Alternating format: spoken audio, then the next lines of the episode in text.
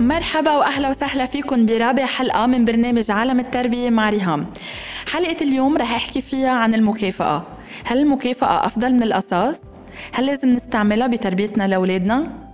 في شيء أوقات بينقال هو إنه ليه بدنا نقاصص الولد بعصاية ما زال قادرين نكافئه بشوكولا بس اللي لازم نعرفه إنه اثنيناتهم أسوأ من بعض والشيء المؤكد عن القصاص والمكافأة هو إنهم وجهان لعملة واحدة كيف؟ لما أنا أقول لبنتي إذا بتخلصي صحن الطبيخ بيطلع لك شوكولا أو لما أقول له لابني إذا خلصت درسك بكير بيطلع لك ربع ساعة screen زيادة. أنا بكون فكره إنه أنا عم شجعهم من خلال المكافأة إنه يعملوا التصرف اللي أنا بدي إياه.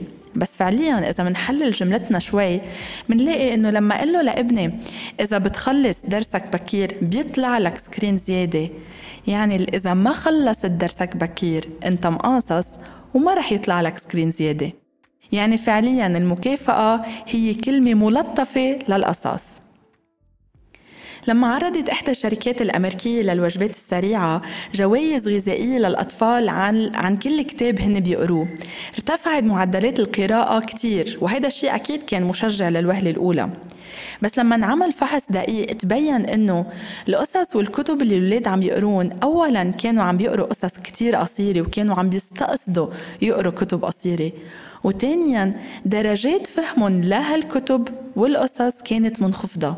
ففعليا هن كانوا عم بيقروا كرمال ياخدوا المكافأة اللي هي الوجبات السريعة مش كرمال التمتع بالقراءة. في كتير دراسات فرجت إنه المكافأة مزبوط معقول تزيد من تصرف معين بس هي بتقتل الحماس والشغف جوات الكبار والولاد. عادة لما نحن نكافئ الولد منكافئه بلعبة جديدة screen time أكتر شوكولا وسكريات أو روحة على شي مطعم مش صحي هو بحبه. بس لما أنا كافئ بهول الأشياء بكون عم زيد من قيمتهم عند الولد. يعني رح يصير الولد يتطلع على screen والشوكولا على أساس إنه هن جايزة. بالوقت يلي نحن مش عارفين كيف نشيل ال screen من إيدهم وكيف يبطلوا ياكلوا أشياء مش صحية. لما أنا كافئ الولد بالشوكولا إذا أكل صحن السلطة دماغه رح يفهم ويحلل إنه صحن السلطة هو الأساس والشوكولا هي المكافأة والجائزة الكبرى. مثل ما بنقول عن القصاص إنه بنوصل لمحل ببطل في شيء نقصص فيه كمان بالمكافأة بنوصل لمحل ما بقى في شيء نكافئ فيه. بس بنكون فوتنا حالنا بدوامة لأنه صار الولد معود على هذا النمط من التعامل اللي هو بمقابل كل شيء صح أنا بعمله لازم آخد جايزة أو مكافأة.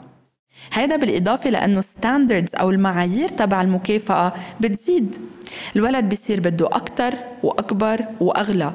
وبيصير على كل مناسبة صغيرة أو سلوك صغير بيعمله بده مكافأة في صبي مرة قال لأمه أنا كنت nice مع رفيقي اليوم شو بيطلع لي؟ المكافأة بتخلي الولد يوصل لمحل يبتز أهله ويقول لهم شو بيطلع لي إذا عملت اللي عم تطلبيه؟ أو إذا عملت هيك بتعطيني هيدي؟ أكيد مش كل المكافآت مش مناح. نحن أوقات منكافئ حالنا بس نخلص شغلة صعبة عملناها أو شغلة أخذت منا مجهود أو وقت. وعادة هالمكافأة بتكون يوم أوف أو فاكيشن أو بنشتري شيء نحن كان بدنا إياه. بس لما استخدم المكافأة لتحفيز الولد على شيء معين منكون عم نقتل الاندفاعية اللي جواته وبيصير متكل على هالمكافأة. الطفل ما فيه ياخد اللذة والسعادة تبع القيام بعمل معين من وراء مكافآت. ما في لا الولد ولا حتى نحن نتكل على عوامل خارجية لنعمل تصرف معين. رح أعطيكم مثل هذا البودكاست. هذا البودكاست ما فيه ولا أي مردود مادي لإلي. بس أنا في عندي اندفاعية كتير كبيرة جواتي بتخليني إنه أنا أعمل هذا البودكاست. إذا منربي ولادنا على شعور الفخر والسعادة عند إنجاز أو سلوك معين هالفخر وهالسعادة هن المكافأة والدافع للولاد يعملوا شغلة معينة؟ ذات الفخر والسعادة اللي أنا بحسهم بس تطلع حلقة جديدة من البودكاست. كثير مهم نميز بين ال motivation أو التحفيز والمكافأة. التحفيز ما بيكون ابدا مشروط بشي مادي بس بذات الوقت بيخلق عند الولد شعور داخلي لإنجاز الأفضل. بينما المكافأة دايما مرتبطة بأشياء مادية وما بتخلق أبدا اندفاع داخلي. التحفيز بيصير من خلال إنه نفرجي الولد قد إيه نحن انتبهنا على المجهود اللي هو حطه. نفرجيه قيمة المجهود اللي حطه ليعمل هالرسمة والشغف اللي أنا حسيته هو وعم يعزف هالمعزوفة. المكافآت بتخلي الولد يفكر إنه عم بيتصرف صح بسلوك معين أو عم بيجيب علامة معينة أو عم بيتمرن على آلة أو رياضة معينة كله عم بيعمله كرمالي مش كرماله. فالاندفاعية الذاتية بتخف وبصير الولد عم بياخد المتعة من المكافأة مش من الإنجاز بحد ذاته. الولد اللي بيربى على فكرة توقع جايزة أو مكافأة رح يربى على هيدا التوقع ويضل يطلب هيدي المكافأة من الأشخاص اللي حواليه. ورح يتفاجأ وينصدم لما ما يحصل عليهم ويمكن هيدا الشيء يخليه يفكر إنه هودي الناس ما بيستاهلوا المنيح لأنه ما قدروا تصرفه المنيح من خلال شيء مادي عدد من الدراسات فرجت أن المكافآت بتكبت إبداع التلاميذ وبتقلل من أدائهم بشكل عام. وفرجت كمان إنه الاولاد اللي بيتعودوا على المكافآت رح يصيروا يتفادوا التحديات لما يلعبوها خطرة ويكونوا دايما على السيف سايد لما يضطروا يخسروا المكافأة. بالإضافة لكل اللي ذكرته المكافآت ما بتحسس الولد إنه هو مدعوم ومسنود بس بتخليه يحس إنه هو دايما تحت تقييم he's being evaluated and judged. وما بدنا ننسى إنه المكافآت وجدول السلوك إذا انعمل بين الإخوة بيزيد من المنافسة بيناتهم وبالتالي بتزيد الغيرة بيناتهم. جدول السلوك اللي بنهايته فيه مكافأة كمان غير مرغوب فيه بس مهم نميز بين جدول السلوك وال achievement chart هيدا ال achievement chart بنستعمله لما نكون حاطين خطة نحن والولد ليعمل شيء معين بس عم بيلاقي صعوبة.